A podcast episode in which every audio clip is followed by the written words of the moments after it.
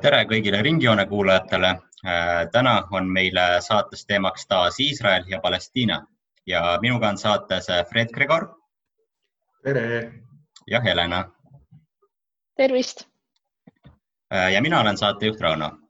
Et Iisraelis on viimase kahe kuuga siis sellest ajast võrreldes sellest ajast saati, millal me viimase Iisraeli teema, teemalise saate salvestasime, on toimunud päris suured arengud, et Äh, valimised toimusid ära ja nüüd vist ainus asi, mille üle Iisraelis praegu saavad äh, osapooled äh, poliitikas siis kergendatult hingata, on see, et neljandad valimised jäävad ära.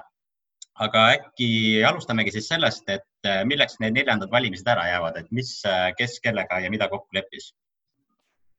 ma kohe juba saate alguses, Rauno, luba mul vaidlen sulle vastu Äh, neljandad valimised, mina ei ütleks nii kindlalt, et nad ära jäävad nüüd siis selle potentsiaalse valitsuse raames, sest mis juhtus, nagu sa küsisid, on see, et või tähendab, juhtus see, et läks nii nagu läks eelmistel kordadel. Likud võitis, sinivalge partei Benny Gantsi oma tuli äh, Äh, tihedalt järele ja juhtis veel äh, loetud tunnid enne kõikide häälte lugemise lõppu. nägin siis Iisraeli äh, parlamendi Twitterist. Need kaks parteid, Likud ja Sinivalge, võtsid kahekümne kohalises parlamendis endale kuuskümmend üheksa kohta ja ülejäänu siis jäi sellistele väiksema häälte arvuga parteidele, keda mahub parlamenti tervelt kaheksa. Äh, vabandust, eksisin, et kokku on parlamendis kaheksa parteid, aga siis neid äh, väiksema häälesaagiga parteisid on, on veel kuus juures. see vahe nüüd äh, sinivalge ja kolmanda, valimistel kolmanda koha saavutanud ühisnimekirja vahel on tervelt kaheksateist kohta mis tähendab seda, et, et ühis, ühisnimekiri, mis koosneb peamiselt äh, araabia keelt või araabi identiteeti vähemalt äh, omaks võtvatest äh, poliitikutest. Nad said kõigest viisteist kohta ja koos siis Iisraeli tööpartei Laboriga on nad ain, ainus partei, kes hoiab Knessetis vasakule Nende viisteist kohta ja Tööpartei seitse kohta teebki Knesseti vasaktiiva suuruseks niimoodi kakskümmend kaks kohta, pea kena kuuendik. ülejäänud Iisraeli parlament koosneb äh, parem või isegi ennast paremäärmuslasteks äh, nimetavatest erakondadest ja ortodoksetest äh, esindajatest. Need on siis järgmised. neljanda koha Äh, sai häälte osas Shas, äh, mis on äh, üks nendest ortodoksetest parteidest ja nimelt esindab peasihtgrupina Haredi, Haredi traditsiooni juute. Viienda koha sai ühendatud Toora, ausalt öeldes ma ei ole päris kindel, kuidas seda Eestis öelda, ütlen äh, inglise keeles United Torah Judaism, kes äh, võitles või mis võitles endale välja üheksa kohta.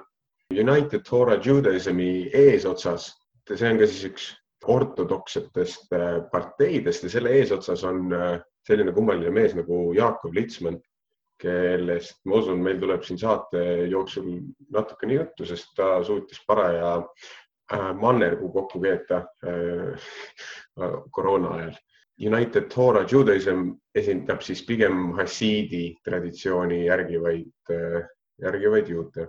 nüüd kuuenda koha üldtabelis sai, nagu eelnevalt mainitud, Labour, seitsmes koht läks ka ühele väga-väga kummalisele tegelasele ja tema parteile, mis on, partei nimi on Iisrael Beitenu ja selle liider on Avigdor Liebermann, kes on ka siin võimukõnelistes figureerinud kui siis äh, selline potentsiaalne kingmaker. tegemist on äh, vene keelt rääkivate juutide eeskõnelejatega, et äh, see on minu meelest üks huvitav, huvitav tähelepanek, et vene keelt kõnelevad juudid on, on väga hästi oma parlamendis esindatud ja viimasena pääses parlamenti, Knessetisse poliitiline allianss, nii nagu nad ennast nimetavad, Jamina. Nemad siis ütlevad selgelt välja, et nad on paremäärmuslased Äh, samuti on nad märkinud enda või nende huvide äh, sekka, mida nad esindavad ka siis äh, ortodoksed huvid. elik, mis me võime öelda selle kolmandate valimiste tulemuste kohta, on see, et peaaegu sada kohta on parlamendis ortodoksetel või, või ennast ideoloogilisel spektril paremale poole määravatel erakondadel ühelt poolt võib, see võib ju näidata seda, mis on, mis on rahva tahe, nagu populistidele tihti meeldib öelda. teiselt poolt see võib ka näidata seda, et äh, tegelikult äh, on lubatud hästi palju kokku ja nende hästi palju kokku lubamiste hulgas on lihtsalt sassi läinud, kes, kes lubab midagi teostatavat ja kes lubab uut kullast Jeruusalemma. Aga selles mõttes ma olen ikkagi Raunoga nõus, et need, see valitsus praegusel hetkel päästis Iisraeli neljandatest valimistest. ma julgen arvata, et vähemalt äh, järgmiseks kaheksateistkümneks kuuks. ehk siis selle valitsuse kokkulepete nurgakiviks oli see, et esimesed äh, kaheksateist kuud valitseb Benjamin Netanyahu seda valitsust ehk siis tema on peaminister ja järgmised kaheksateist kuus kuud on seda Kants. ma ise isiklikult arvan, et Kants sinna valitsemistroonile ei jõuagi, et selles mõttes selle kaheksateistkümne kuu jooksul tõesti võib väga palju juhtuda veel, sest et Iisraelis juhtub kogu aeg väga palju asju aga noh, ma isiklikult arvan, et kuna Netanyahu on väga pikalt juba troonil olnud, siis ta ei anna seda valitsussaua nüüd väga kergesti enam ka käest. Ja ma arvan, et midagi nagu selles osas välja mõeldakse, et kas siis äh, läheb see valitsuskoalitsioon lihtsalt lõhki enne kaheksateistkümnet äh, kuud või äh, ütleb Netanyahu lihtsalt lepingu üles? minu meelest on äh, natuke hämmastav selles mõttes see, kuidas on Netanyahu suutnud nii-öelda comeback'i teha, sest et enne neid valimisi, mis toimusid märtsikuus, tundus, et peaaegu, et noh, et tema poliitiline saatus on niisugune peaaegu juba otsustatud, aga nüüd kaks kuud hiljem on ta suutnud opositsiooni peaaegu nagu purustada, ta on suutnud kindlustada enda ametiaja vähemalt järgmiseks kaheksateistkümneks kuuks. ja noh, sarnaselt Helenale usun ka mina, et, et kaheksateist kuud on väga pikk aeg ja, ja see tundub väga ebatõenäoline, et Netanyahu siis pooleteist aasta pärast otsustaks, et annab, annab võimu käest ära. et ma arvan, et see on võib-olla miski, kus Kants tegi, tegi enda jaoks vähemalt niisuguse suure vea no ma arvan ka, et äh, kui me saame rääkida nende valimiste või selle valitsuse puhul, tulevase valitsuse puhul võitjatest või kaotajatest, siis kindlasti Netanyahu on äh, võitja ja Kants äh, kaotaja, sest et tegelikult, kui me vaatame Kantsi valimiskampaaniat, siis ta läks selgelt selle loosungiga, et kui te valite mind, siis te ei vali Netanyahut, mina olen see nii-öelda oponeeriv kandidaat Netanyahule, et kui te ei taha Netanyahut, siis valige mind. nüüd on tema valijad selles mõttes pettunud, et nad valisid Kantsi ja said Netanyahu. Ja teisalt, millest me hiljem ka pikemalt räägime, on äh, see korruptsioonisüüdistus. Netanyahu kindlasti sellega, et äh, ta sai nüüd äh, peaministri koha, võitis kohati aega ja teisalt selles mõttes ta sai endale ju tegelikult vähemalt sümboolses võtmes legitiimsust juurde. et ma arvan, et nüüd läheb see nii-öelda korruptsioonisüüdistus ja nii-öelda see kohtu case palju pehmemalt tema jaoks. sinivalge partei oli Netanyahule tema ühe, üheteistkümne aastase peaministri aja jooksul võib-olla isegi kõige suurem oht, aga siiski ta suutis selle maha suruda.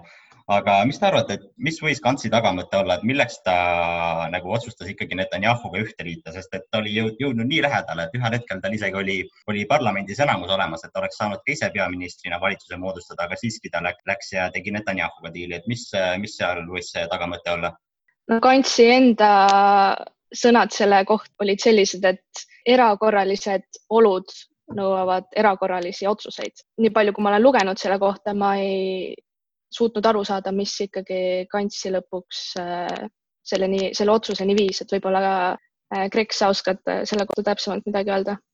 Ma kõigepealt mainin ära selle, et kui, kui keegi on erakorraliste olude mees, siis see on just nimelt äh, Netanyahu, sest äh, esimest korda tuli ta võimule üheksakümnendate lõpus, siis kui Iisrael oli šokeerinud peaminister Yitzhak Rabini surm ja sellele järgnenud siis Shimon Perezi natukene selline labiilne valitsus.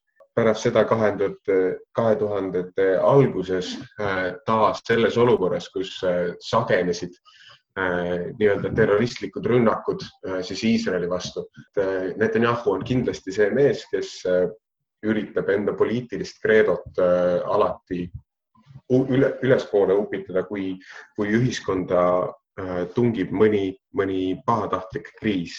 teiselt poolt Kantsi koha pealt see on hea, et sa tõid selle, selle erakorraliste olukordade tsitaadi siia sisse. Kants kaotas tugevalt mul on tunne, et siin on isegi mängus sellist äh, natukene äh, Jüri Rataslikku kümne küünega toolist kinnihoidmist või siis äh, tooli poole haaramist, et Kants pole ju kunagi varem olnud riigis halduslikult juhtival kohal, et ta on, ta on küll olnud militaarinstitutsiooni juht, aga mitte sellises kohas, kus teda niimoodi, kuhu teda vabalt valitakse.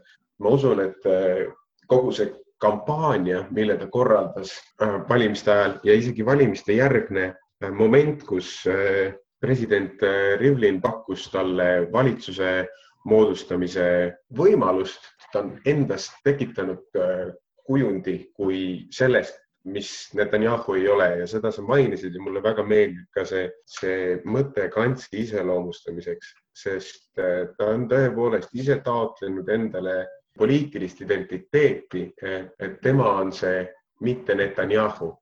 ja nüüd, kus äh, ta on justkui vähemalt pinnapealselt äh, suuremeelselt nõus Netanyahuga seda rasket äh, krooni jagama, siis ta natukene nagu reedab minu meelest enda väärtusi ja taas tuleb mulle paralleel Eesti poliitikast, et kui meil toimus, need noh, need kindlasti ei ole sellised vaieldamatud paralleelid, aga jutu käigus ikka tuleb loodetavasti mõni hea mõte. kui käis eelmise aasta alguses meie enda valitsuse moodustamine, siis äh, Jüri Luik Isamaast oli see, kes ütles, et tema ei istu ühes äh, valitsuses EKRE-ga. nüüd ta istub kaitseministri toolil aga kui siin ka võib-olla paralleelidest rääkida, siis mis, äh, mis eristab äh, Kantsi Netanyahust peale selle, et ta siis ei ole Netanyahu. kui ma vaatasin nende platvorme, siis nad ei tundunud niivõrd erinevad.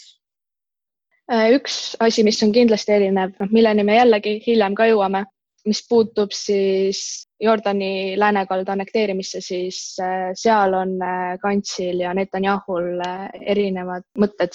Kants arvab seda, et kui annekteerimine läbi viia, siis see peaks olema kooskõlas teiste riikidega, nii Euroopa riikidega, USA-ga kui ka siis Araabia maadega, mis jäi mulle nagu väga segaseks, et kas siis tõesti nagu tahetakse Araabia maade nõusolekut selles osas või see jäi mulle küsimuseks, aga Netanyahu, tema ei leia, et selle, selle nii-öelda diskussiooni laua taga peaks olema Euroopa, et talle piisab USA-st.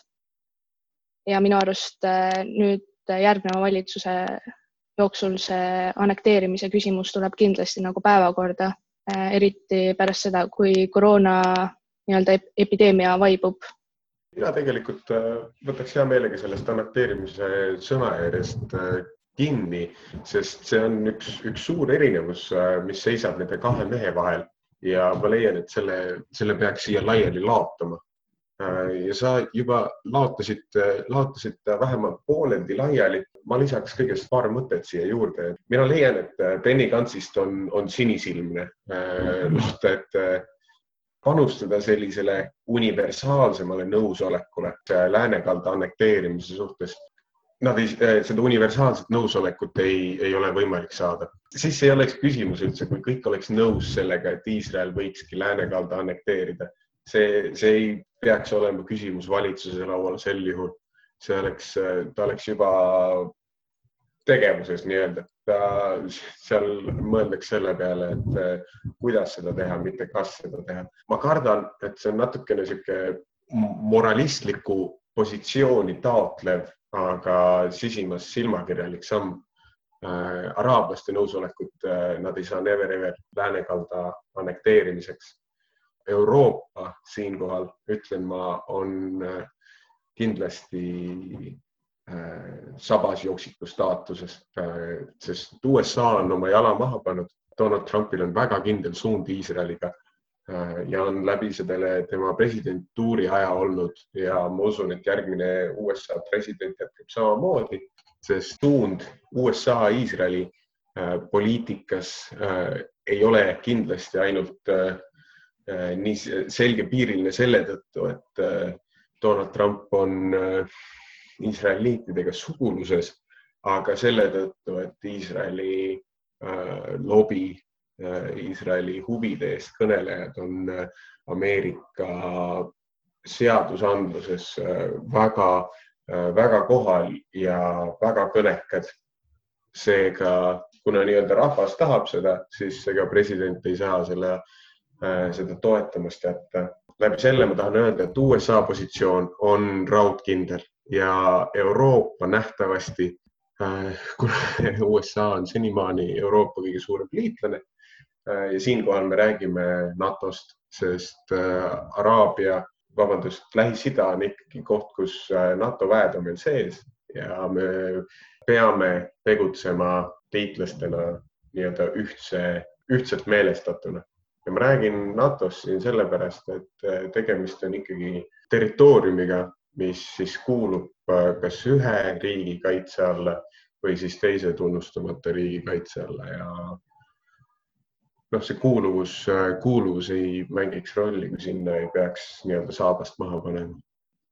ma siiski sinuga selle USA ja Iisraeli koha pealt nagu täiesti ei nõustu, et tegelikult ju nüüd mõni nädal tagasi, no nüüd võttes arvesse, arvesse veel muidugi Trumpi eelmisi väljaütlemisi, et ta tunnustab Jeruusalemma Iisraeli pealinnana ja nii edasi, aga muidu Mike Pompeo ütles ju just mõni aeg tagasi, et põhimõtteliselt USA jätab äh, Iisraelile Palestiina osas äh, vabad käed, et see on nende enda otsus, mida nad seal teevad.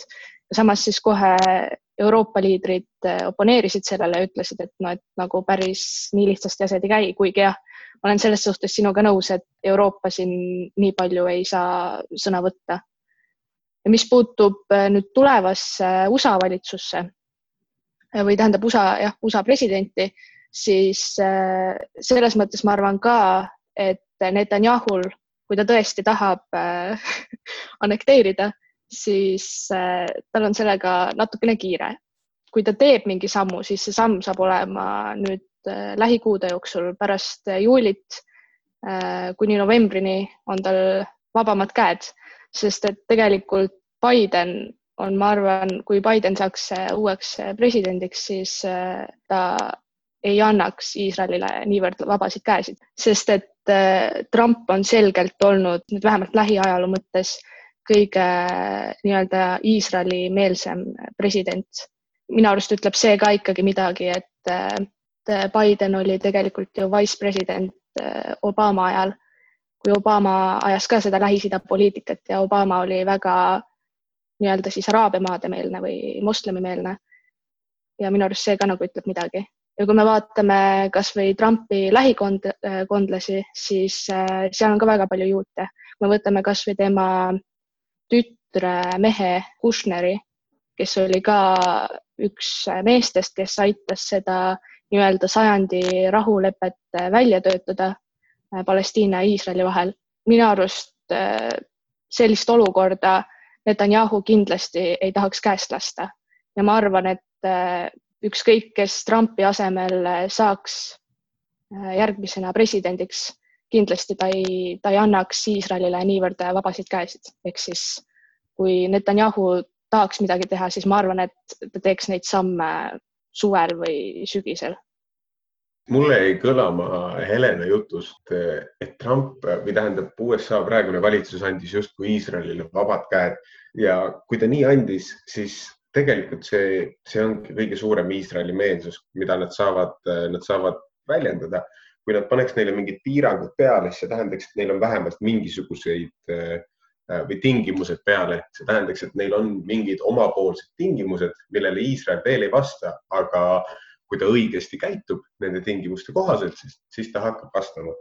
teine, teine tähtis moment on minu meelest siin selles, et äh, siin on vaja teha oluline eristus selle vahel, et kes ja mis on äh, Iisraeli poolt ja vastu. ma laiendan seda spektrit, on, on veel Palestiina poolt ja vastu. see, kes võib-olla on natukene Iisraeli vastasema tegevusjoonega, ei tähenda kohe kindlasti, et ta peaks olema Palestiina poolt.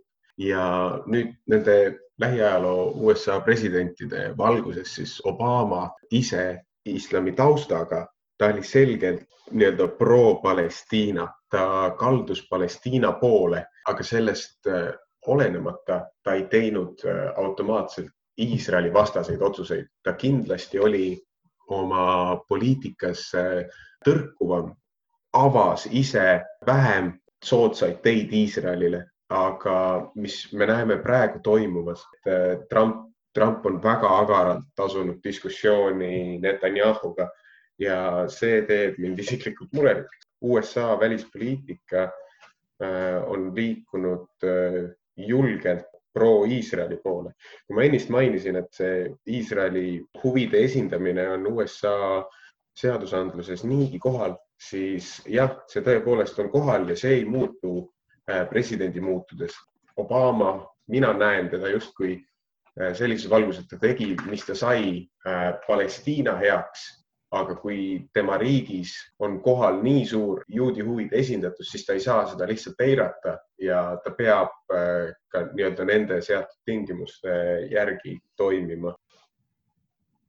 ma küsiks ruttu sult vastu, et no kindlasti me ei, me ei saa nagu eeldada seda, et keegi nüüd Palestiinale kui uppujale nagu viskaks selle päästerõnga, aga selles mõttes, kui me võtame näiteks Obama valits-, valitsemisaja siis ütleme, kui äh, Iisrael oleks teinud sellise sammu, et ta annekteerib äh, Palestiina, siis kas sa arvad, et mitte mingisugust vastureaktsiooni USA-lt selle poolt, selle, selles osas ei oleks siis Iisraelile tulnud?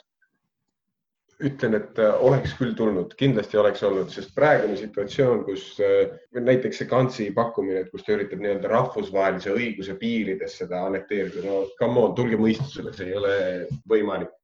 kindlasti oleks äh, Obama administratsiooni ajal ka tehtud vähemalt mingisugune viivatus või midagi sellist, sest see, seda nõuab neilt rahvusvaheline õigus. rahvusvaheline õigus, me teame, et see joonlaud, millega ta lööb, on kohati küll pehme eriti kui need näpud, mille pihta see joonlaud lööb, on USA omad. ma usun, et tänagi loota seda, et me võime väga vabalt loota seda, et, et või mitte loota, aga uskuda, et Iisrael varsti annekteerib. sellepärast, et see on, see on neil kindel plaan ja isegi kui rahvusvaheline õigus on selle vastu, siis ma kardan, et sinna ei saadeta suuri sanktsioone, sest Iisraeliga ühes paadis on endiselt äh, onu Sam. minu arust teine küsimus on kindlasti ka see veel, et kui see anneksioon tõesti peaks toimuma, siis äh, mis saab sellest annekteerimise järgsest ajast, et mis saab nendest palestiinlastest, et kas siis palestiinlastele antakse juudi riigis äh, sarnased õigused nagu iisraellastele, siis, siis ei oleks Iisrael selles mõttes enam juudi riik või kui neile ei antaks neid õigusi, ütleme siis neid äh, palestiinlasi oleks kokku no ikka mitu miljonit, umbes kolm-neli miljonit, siis see ei oleks enam demokraatlik riik. minu arust siin on nii palju lahtisi küsimärke veel, et kuidas äh, need palestiinlased näiteks, kas nad peaksid hakkama täitma sõjaväekohustust või siin on, siin on väga palju küsimusi. pluss siis veel see, et see piirkond, kus nad elavad, on kindlasti majanduslikult palju rohkem maha jäänud, ehk siis neid peaks hakkama järele aitama. Jagan sinuga neid küsimusi kui moraalne ja teadlik toimija, aga üks institutsioon on äh, Iisraeli, äh, Iisraeli valitsus ja nemad, äh, esiteks on nende samm integreerida võimalikult palju maad. kui maha jäänud on see nii-öelda siis potentsiaalne palestiinlaste asuala, see neid nähtavasti väga ei hurjuta. ma ei tahaks uskuda, sellepärast et neil on vaja täita saatus mis on ette kuulutatud äh, kaks tuhat aastat tagasi piiblis. piibel ei ütle palestiinlaste kohta äh, midagi, et neid peaks järele aitama. jah, USA valimised on küll novembris juba ja siis selgub ka president Trumpi saatus, aga vahepeal on ka võib-olla ohus peaminister Netanyahu enda saatus, sest et selle kuu lõpuks on talle ka planeeritud kohtuprotsess, sest ta on praegu kriminaaluurimise all. äkki käime kiirelt selle üle, et miks ta seal täpsemalt siis kriminaaluurimise all üldse on ja et kui tõenäoline on, et ta süüdi mõistetakse ja mis tagajärjed sellel olla võiksid? Netanyahu on uurimise all sellepärast, et temal ja ta naisel oli siis äh, võimul äh, olles komme võtta vastu hinnalisi kingitusi ja võib-olla ka pakkuda ise vastu väärtuslikku mammonat siis äh, sõpradele-tuttavatele heade tegude eest. Äh, seda asja nimetatakse äh, sellise nimega nagu korruptsioon ja seda vaagitakse veel. vaagitakse sellepärast, et väidetakse, et pole piisavalt, tähendab, et pole võimalik tõendada seda päris hästi ja neid, neid vaagimisi ma usun, küll aga üks, mis on täielik bullshit selle protsessi jooksul korda saadetud, on nimelt see, kuidas äh, Netanyahu äh, viimase siis alalise valitsuse äh, justiitsminister suutis Netanyahu enda kohtuprotsessi lükata käesolevasse maikuusse. Ehk siis sisuliselt teha nii, et paapa Biibi, kui ta peaks saama peaministriks, siis ta saab kohe kiiresti enda need süüdistused tühistada. Kusjuures äh, selle praeguse äh, diiliga, mis Gantz ja Netanyahu on enda vahel teinud, et selle järgi, kui äh, Netanyahu peakski seal süüdi mõistma ja talt siis peaks ära võtma võimalus moodustada seda valitsust, et siis nende diili järgi igatahes peaks see tähendama kohe automaatseid valimisi ja Knesseti, Knesseti laiali minemist. Et see on ka selles mõttes huvitav, sest põhimõtteliselt on see uute valimiste toimumine pandud nagu kohtunike kätte. Et poliitikud ise on kokku leppinud, et me teeme valitsuse, noh, neljandaid valimisi ei toimu ja kui peakski neljandad valimised toimuma, siis ei ole mitte meie ehk siis poliitikute pärast, vaid see on nende kohtunike pärast, et see, ma ei tea, noh, kas ta on niisugune vastutuse nagu eemale lükkamine, aga ma arvan, kindlasti on see kohtuniku nagu eba, ebameeldivasse olukorda pannud selles mõttes. ja siin on minu arust huvitav veel see, et kuidas, kuidas rahvas sellesse suhtub. Need, kes Netanyahut äh, pooldavad, äh, need pooldavad nagunii, aga selles mõttes on kants jällegi teisalt äh, siin see must lammas. Teda süüdistatakse põhimõtteliselt, äh, tema toetajad võrdsustavad teda nüüd Netanyahuga, et äh, ta aitab kaasa sellele, et korruptsioonisüüdistusega poliitik on nende riigi nii-öelda võimutüüri juures.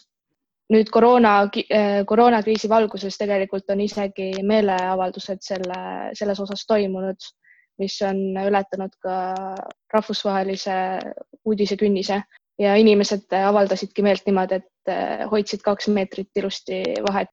mingeid probleeme selles mõttes eh, ei tekkinud, et sai ilusti meelt avaldada. Kants on leidnud endale suure-suure moraalse ämbri, kuhu astuda ja tuleb välja, et mitu korda, sest see tegu moodustada Netanyahu, Netanyahuga selline nii-öelda hädaabivalitsus, tõepoolest ta legitimeerib seda, et äh, Netanyahu võiks või ta justkui vaikimisi nõustub sellega, et Netanyahu võiks siiski olla võimul, võiks olla esindaja, isegi juhul, kui ta on, äh, ta on uurimise all äh, seoses potentsiaalse korruptsiooniga. ma näen siin seda nii-öelda juriidilist õigustust, mis, mis siin võib olla, et teda ei ole ju veel süüdi mõistetud, aga jumala eest inimene on olnud äh, kõige kauem praeguse hetkeni Iisraeli eesotsas valitud valitsejatest. ta on võtnud vastu suurel hulgal kingitusi, mida ta poleks tohtinud võtta. see juba iseenesest äh, minu meelest tähendab seda, et, äh, tegemist on siiski korrumpeerunud inimesega. isegi kohtunikud ei saa teda, teda nagu piirata, kummaline on ka see, et Iisraelil ei ole konstitutsiooni siis võiks ju, võiks ju loota, et inimesed järsku vaatavad äh, seda kuningas Piivit ja mõtlevad, et no aga äkki ta ikkagi ei ole kõige parem mees meie murede lahendamiseks, äkki ta ikkagi on korrumpeerunud ja ei vali teda. aga nad kuradid ikka valivad. no selles mõttes äh, suutis Netanyahu või no Netanyahu jaoks tuli kindlasti see koroonakriis nagu õigel ajal. mitmed Iisraeli inimesed tegelikult leiavad seda, et okei okay,, kuigi tal võib olla korruptsioonisüüdistus või noh, tal on süüdistus kaelas, aga teda ei ole veel süüdi mõistetud. et ta võib selles, kuigi ta võib selles süüdi olla, siis vähemalt meil on sellise kriisi ajal olemas nagu juht ja meil on olemas valitsus, kes selle kriisiga tegutseb, seda edasi viib, sest et tegelikult selle valguses on ju korruptsioonisüüdistused taga Iisraeli riik, Iisraeli inimesed, kes peavad nagu edasi toimima samamoodi nagu teistes riikides on oodata majanduskriisi, mitmed inimesed on jäänud tööta. kindlasti see korruptsiooniskandaal neelatakse palju kergemini alla, sest et sellise kriisi ajal on lihtsalt vaja mingit juhti, kedagi, kes, kes aitab äh, tulla igapäevaprobleemidega toime. hingetugevust ja sitkeid kõrilihaseid siis sel juhul Iisraeli rahvale sellise pättuse allaneelamiseks? minu arust äh, ei saa ikka nagu täiesti ka selles mõttes süüdistada, sest et noh, meie, meie siin Eestis ka ju oleme tegelikult, nagu sa tõid ka paralleeli, väga palju alla neelanud ja minu arust see on lihtsalt pragmaatiline ja selles mõttes nagu Kants ütles, siis teatud olud nõuavad teatud meetmeid, kuigi ma ei õigusta seda ega midagi, aga selles mõttes ma saan, saan ka aru. Ja mitte, et ma ise seda pooldaksin, aga see kriis on kindlasti mänginud selles mõttes Netanyahu jaoks positiivselt välja. ja, ja ta mängib seda kriisi edasi enda jaoks positiivselt välja, kõik need, kõik need andmed, mis ta on lubanud koguda Iisraeli rahva ja tema liikumise kohta. no jumala eest, vaatad siin, siitpoolt Karpaate, et tegemist on, tegemist on nagu Orbani suguse mehega, aga tegelikult ta on, ta on nagu isegi veel julgem kohati, sest ta kasutab Shin Bei või Shin Bet. Te ei mäletagi Iisraeli salateenistust igatahes inimeste järel luuramiseks. tähendab, see kriis justkui pööras tema valitsusaja Netanyahu kasuks, siis äh, nüüd Netanyahu on selle kriisi võtnud äh, sarvedest kinni ja ta kindlasti üritab äh, seda enda kasuks pöörata. tema potentsiaalsed suured kasud siit on siis enda mm, kohtuasja nullimine siis näiteks sel viisil, et, et peaminister just nii tohibki teha, nagu tema toimis ja teine suur võit sellest kriisist on, ma usun, on see, et ta kindlustabki enda ametiaja pikemana, kui seda on äh, tulevased kaheksateist kuud. no huvitav ongi minu arust see, et, äh, et kuidas ta on jäänud selle korruptsioonisüüdistuse valguses niivõrd enesekindlaks, isegi nagu mulle tundub, et, et kuigi kohtu case on alles ees, siis tegelikult ma ei kahtlegi selles, et ta nii-öelda jätkab ja ta saab nii-öelda süüst äh, vabaks. et ta on kuidagi ise, ma ei tea, kas šarmantne on nagu halb sõna, see ei, see ei kehti tema kohta, aga, aga kuidagi jah, enesekindel. ta on kindlasti meeli ülendav esin-, esineja ja see pärineb suuresti tema USA kogemusest, äh, sellepärast et seal ta oli justkui, äh, ta oli nii-öelda outsider ta pidi ennast äh, sööma või siis vähemalt näitama süsteemi sisse ja ta arendas väga-väga äh, palju eneseväljendusoskust, äh, töötades siis diplomaatilisel kohal USA-s ja ühe kaheksakümnendate lõpus, üheksakümnendatel Iisraeli naastes alaliselt, siis ta kinnistas ennast, nagu sa ütlesid, mina kasutaks küll seda sõna šarmantse poliitilise liidrina ta on väga kõneosav mees, seda me lahkasime eelmises saateski. aga räägime ka natuke Iisraeli ja Palestiina kujutamisest rahvusvahelises meedias, et noh, ka meie saade iseenesest ju Iisraeli ja Palestiina kontekstis läheb rahvusvahelise meedia alla, aga ütleme üldiselt, kui Iisraelist midagi meedias kuulda, et siis äh, seda kujutatakse pigem kui niisugust kõrgelt arenenud äh, õigusriiki ja Palestiina on niisuguste negatiivsete konnotatsioonide osaliseks saanud, mida, kus kujutatakse niisugust niisugust õigusetut terroririiki rohkem. mis on selle tagajärg, miks see võiks niimoodi olla, miks on äh, neid kahte osapooli niivõrd erinevalt kujutatud? esiteks hea point. täna, täna me, ma usun, et me kõik oleme tänulikud selle eest, et sa liigitasid ringjoone rahvusvahelise meedia alla. ja teiseks siis see osa, et tõepoolest Iisraeli kujutatakse justkui sellist läänemaailma jätket Lähis-Idas, et Lähis-Ida, mis muidu, muidu on täis tröösti, sõda, surma, Äh, kõike sellist pahelist, mida lääne inimene võib-olla tahab endast eemale lükata, siis äh, Iisraelist on vähemalt äh, meedia ja, ja kõikide nende narratiivide, mis, mis luuakse näiteks sarjade või filmide näol, on jäänud mulje, et see on, see on selline oaas, see on, see on oaas keset Lähis-Ida kõrbe see on oaas, kus, kust leiab demokraatiat, kust leiab õiglust, nagu sa mainisid. erinevate sugudega inimesed leiavad õiglast kohtumist vastandatuna siis äh, sellele, kuidas, kuidas kujutatakse islamit ja, ja nende, nende siis diskursuses seksismi näiteks. Äh, Iisrael on tõepoolest väga-väga helge, helgel sellise Euroopa ameerikaliku lambi all ja mina leian, et Äh, see on äh, tegeliku pildi vääramine. olen hiljuti ligipääsu saanud Netflixile ja sealt vaadanud juba paari Iisraeli kohast sarja. Mõlemas on juudid või siis isegi mittereligioossed israeliidid on need, kes on võimelised inimlikeks tegudeks, kes on võimelised inimlikeks tunneteks, kes on võimelised ratsionaliseerima. Ja nende vastas on selline äh, kergelt müstiline, koopa äh, mehelik isegi, kindlasti võimujanuline, reetlik ning äh, šovinistlik araablane. et see on, see on tõepoolest üks, üks selline mm, meediakujutis või meedia toel valminud kujutelm paljude, ma usun, lääne inimeste peas, et Iisrael on, on see ainuke helge koht Lähis-Idas. ja see kindlasti selline kujutelm täidab eurotsentristlikku või angloameerika tsentristlikku sellist äh, poliitika huve, sest äh, Iisrael on nende kõigi suur, suur sõber ja, ja nende ainus äh, nii-öelda sillapea Lähis-Idas ja need kaks asja korreleeruvadki, et Iisrael justkui selline oaasilaadne demokraatia, siis loometeostes ja lääneriikide huvi tegelikult omada ühte suurt sõpra äh, Lähis-Idas. Need äh, kaks asja kattuvad ja nad ei kattu mitte juhuslikult.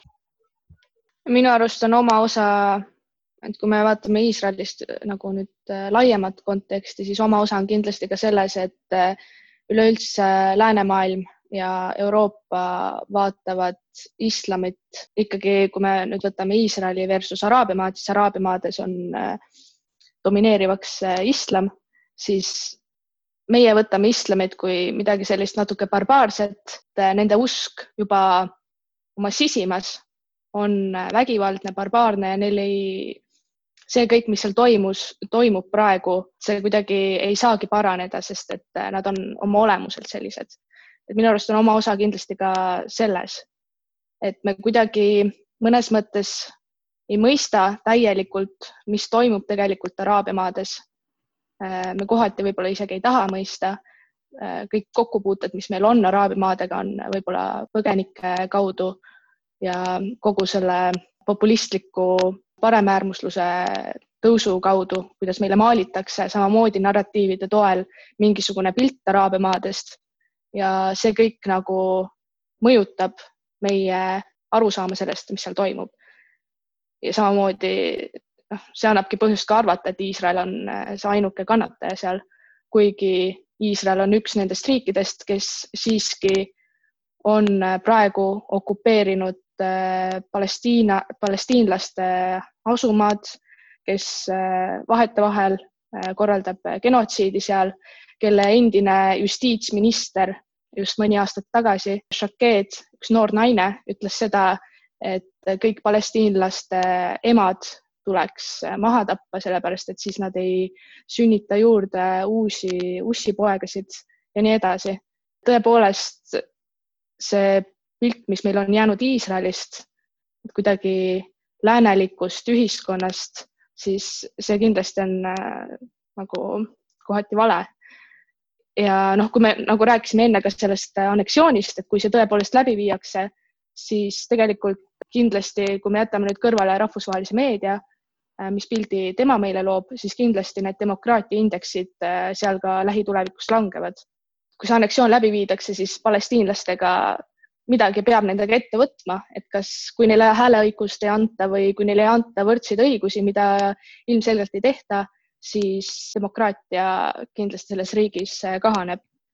ja mis on minu arust huvitav veel Iisraeli puhul, on äh, see, et äh, see uuem põlvkond on palju paremäärmuslikum, palju radikaalsem, kui on vanemad iisraellased või vanemad poliitikud. et see on kuidagi kohati, kui me räägimegi nüüd lääneriikidest, siis lääneriikide minu arust protsessiga natukene vastukäiv nõustun sinuga äh, selles osas, et äh, hästi palju äh, poogime meie kui Lähis-Idast küllaltki kaugel elavad inimesed, me poogime neid sündmusi, mis inimestega, kes Lähis-Idas elavad, nende olemuste külge. see on kindlasti vale, seda ei tohiks teha. See on minu arvamus nüüd, et inimeste teod on, on palju rohkem sõltuvuses sellest, mis, millises keskkonnas, millises ruumis nad on üles kasvanud, kui sellest, eh, missugune on nende loomus justkui või noh, isegi selles, selles võtmes siis loomus kujundab nii-öelda see lastetuba vast rohkem ja, ja tegelikult ka edasi täiskasvanute tuba nimetaksin seda, meil kipub olema tõepoolest araablaste kohta selline eksistentsiaalset hirmu väljendav arvamus. see kohe kindlasti ei ole põhjendatud. Kui me omame sellist eh, eelarvamuslikku vaadet Lähis-Ida inimeste kohta, kes siis on eh, oma religioosselt kuuluvuselt islamiusku, siis eh, me loome endale mingi pildi nendest. Ja selles pildis ei ole mitte ühtegi nende enda arvamust, et nemad ise on väga vähe selle pildi kujunemises osalenud. selle pildi on maalinud just nimelt need, need kõik meediumid ja ma, ei, ma ütlen siin meelega meediumid, sellepärast et ma tahan silmas pidada lisaks äh, Ameerika välis äh,, Ameerika aja, ajalehtedele, mis äh, välisuudiseid raporteerivad, mida ka meie tarbime. ma tahan pidada silmas siin Äh, neid samu sarju, äh, raamatuid, filme, et need kõik on justkui mingid äh, konteinerid, need sisaldavad endas mingit informatsiooni ja see informatsioon siis võib taotleda objektiivsust, aga tihti ta on, ta on selline uks, mida tahetakse sirgelt püsti panna, aga lävepakk selle ukse all on, on täiesti oskamatult viltu pandud, et seda ust ei saagi, ei saagi niimoodi kunagi sirgeks. Ja kõige sellega ma tahan öelda, et meil tasub natukene revideerida minu meelest oma, oma eelarvamusi Lähis-Ida ja seal elavate inimeste kohta ja mitte lasta neid eh, arvamusi täita ainult, ainult siis sellel, mida me saame arvuti või paberi vahendusel, aga käia ise koha peal ja vaadata oma kuningliku silmaga üle. jah, ma olen täiesti nõus sinuga, et Edward Said on väga palju rõhku pööranud sellele, kuidas äh, eurooplased või üldse läänemaailm äh, tõlgendab Araabia maid või Araabia või siis üldse Lähis-Ida kultuuri. et me ei anna nagu mitte kunagi neile endale sõna, et nad on kogu aeg justkui tõlgendusobjektid. et nad ei saa kunagi, jah, just nimelt, nad ei saa kunagi ise sõna viimastel, viimastel aastatel on minu arust seda pilti kõige rohkem maalinud need ekstremistid, sest et nemad saavad meedias kõige rohkem kõlapinda, nad on, ütleme, uudistes nad on selles mõttes kõige atraktiivsemad, seda on huvitav lugeda, see kütkestab. samamoodi see aitab seda narratiivi toita minu arust ongi kõige suurem eksiarvamus, mida ma kogu aeg äh, nii meediumis kui meediumites kui ka, ma ei tea, kasvõi tänava peal kohtan, ongi see, et kõik araablased on kuidagi terroristid. no see on samamoodi, et mitte ühtegi rahvust ei tohi nagu defineerida selle mingisuguse väikese grupi põhjal, samamoodi äh, me ei saa Iisrael äh, juute defineerida nende ultraortodokside juutide põhjal või Netanyahu põhjal või ütleme siis selle sama endise justiitsministri põhjal? ja olen äh, poolt selles vallas, et äh, Lähis-Idale peab andma rohkem sõnaõigust. Äh, nad, nad on omanud seni kõige suuremat sõnaõigust nähtavasti naftamüügis, mis siis on küll pöörleva maailma puhul väga oluline aspekt, aga selles tuleb meenutada, et selles naftamüügimängus on ka vanad tuttavad Venemaa ja USA näiteks, ka seal ei ole Lähis-Ida riikidel äh, kõige suuremat äh, sõnaõigust. ja teine asi on see, äh, sa tõid Edward Saidi välja, kes on kirjutanud tõepoolest väga hea raamatu, pigem just vaidlebki orientalismi kui sellise praktika vastu, mis, mis siis on tõepoolest kõikide Lähis-Ida rahvaste ühena Äh, muutumatuna käsitlemine. et äh, see muutumatus on äh, minu meelest üks olulisemaid, mis täna seisab näiteks Iisraeli ja Palestiina vahelises konfliktis. meil on sisuliselt üks pool, mis argumenteerib selle nimel, et asjad on kunagi tehtud ühtviisi, nad on jätkunud teistviisi, aga nad eh, edasi peaksid jätkuma seda esimest viisi ehk siis nad peaksid olema algsest positsioonist muutumatud. Äh, teine pool on selline, kes argumenteerib natukene äh, muutlikuma elukorralduse äh, poolt ehk siis, et olgugi sellest, et asju on tehtud ühtviisi praegu, ei pea neid tegema sedasama viisi edasi ja selline muutuvus, äh, liikuvus on kindlasti tänapäevase äh, maailma puhul oluline. Äh, me mõistame tänapäevast maailma kindlasti liikuvana, kindlasti mitte muutumatuna ja sellepärast ma leian, et, et pooled, kes, kes argumenteerivad just nimelt sellise toon nüüd natukene ulaka näite, aga kivisse raiumise poolt, et nii on ja nii jääb need pooled äh, ei argumenteeri õige asja poolt minu meelest. ja absoluutselt ja noh, selles mõttes orientalism ongi tegelikult väga viimastel kümnenditel olnud väga abstraktne termin ja seda ongi nagu väga raske defineerida. aga kui me nüüd äh, räägime spetsiif spetsiifilisemalt äh, Palestiina-Iisraeli kujutamisest rahvusvahelisel areenil, siis äh, on mõlemad äh, ikkagi mõlemad on süüdi äh, mõnes mõttes selles konfliktis, kes rohkem, kes vähem, on, ma arvan, eraldi diskussiooni küsimus. aga see, mis meile maalitakse praegu meedias, on selgelt see, et palestiinlased on terroristid, palestiinlased ründavad kogu aeg Iisraeli rahvast, kuigi tegelikult Iisrael on ikkagi võimupositsioonil palestiinlaste üle mida peakski tegema rahvas, kelle territoorium on osaliselt äh, ära okupeeritud. lisaks üks huvitav, äh, huvitav definitsioon või huvitav termin, mida ma kuulsin veel selle kohta, oli ideoloogiline gentrifikatsioon ehk siis need asundused, mida rajatakse praegusele Palestiina aladele, kuhu tulevad siis äh, nii juudid Iisraelist kui ka Ameerika juudid kui ka mujalt maailmast, näiteks Hollandist, äh, siis nagu kuidagi järk-järgult äh, Iisrael nagu laieneb Palestiina aladele.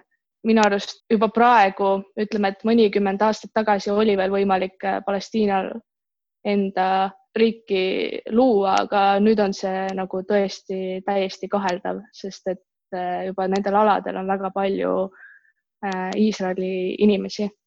see minu arust ongi nagu vale, kuidas äh, praegune meedia seda meile serveerib, et, et kui selline nii-öelda protsess äh, ühe rahvaga toimub, siis mida nad tegema peaksid, et kui neil ei ole, kui neil on võetud käest ära diplomaatilised või rahvusvahelised suhtlemise vahendid, neil on võetud ära omavalitsuslikud vahendid suhtluseks või läbirääkimisteks, siis ma ei, ma ei ütleks nende kohta nagu üheselt, et nad on terroristid, kui nad, väljendavad mingisugust vastupanu ja isegi kui nad väljendavad, siis samamoodi peaks kõrvalt tooma välja, kuidas Iisraeli, Iisraeli pool terroriseerib palestiinlasi nii sõjaliselt kui ka ideoloogiliselt.